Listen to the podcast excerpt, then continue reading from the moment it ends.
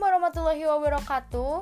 Halo teman-teman semua Perkenalkan nama saya Cici Asripa Dengan NIM 28903 Saya dari Fakultas Pendidikan Ekonomi dan Bisnis Program Studi Manajemen UPI 2020 Untuk memenuhi salah satu mata kuliah Pendidikan Pancasila, saya ingin sharing pengetahuan mengenai relevansi ideologi Pancasila sebagai ideologi terbuka pada saat era revolusi industri keempat.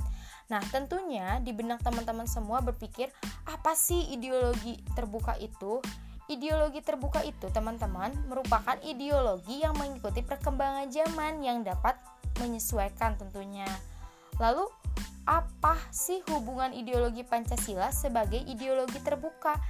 Nah, Pancasila dikatakan sebagai ideologi terbuka itu teman-teman karena Pancasila tidak mengubah nilai-nilai dasarnya untuk mengikuti perkembangan zaman.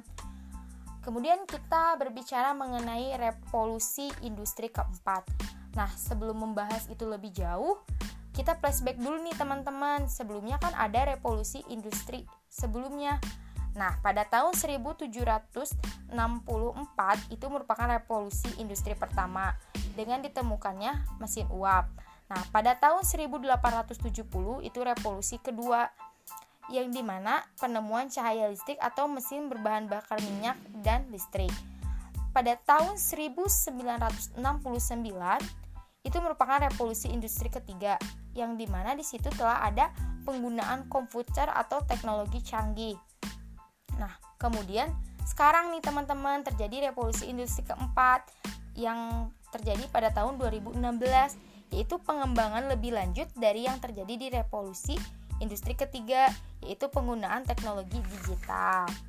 Nah, revolusi industri keempat ini teman-teman ditandai dengan munculnya sistem sibir fisikal yang di mana industri ini teman-teman uh, mulai menyentuh dunia virtual berbentukan konektivitas manusia, mesin, dan yang dikenal dengan Internet of Things.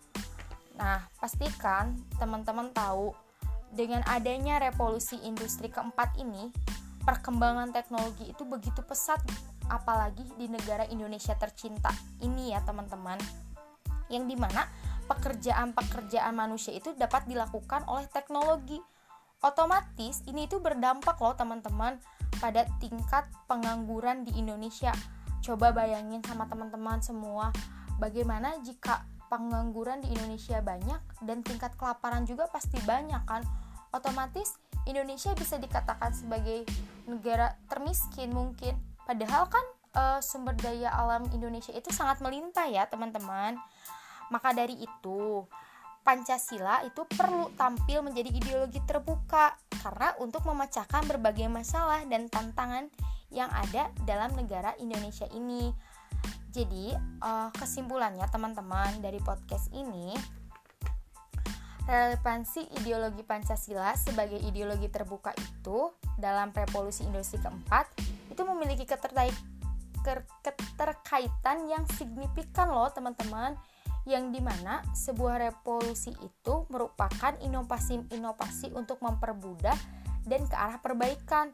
Namun pasti berdampak negatif dan positif tentunya ya teman-teman nah maka sebuah negara itu harus berpandangan atau berpegangan dan berpedoman pada Pancasila karena Pancasila merupakan sumber etika yang menjadi karakter sebuah bangsa Indonesia sehingga uh, bangsa Indonesia senantiasa berperilaku sesuai hukum dan norma yang berlaku.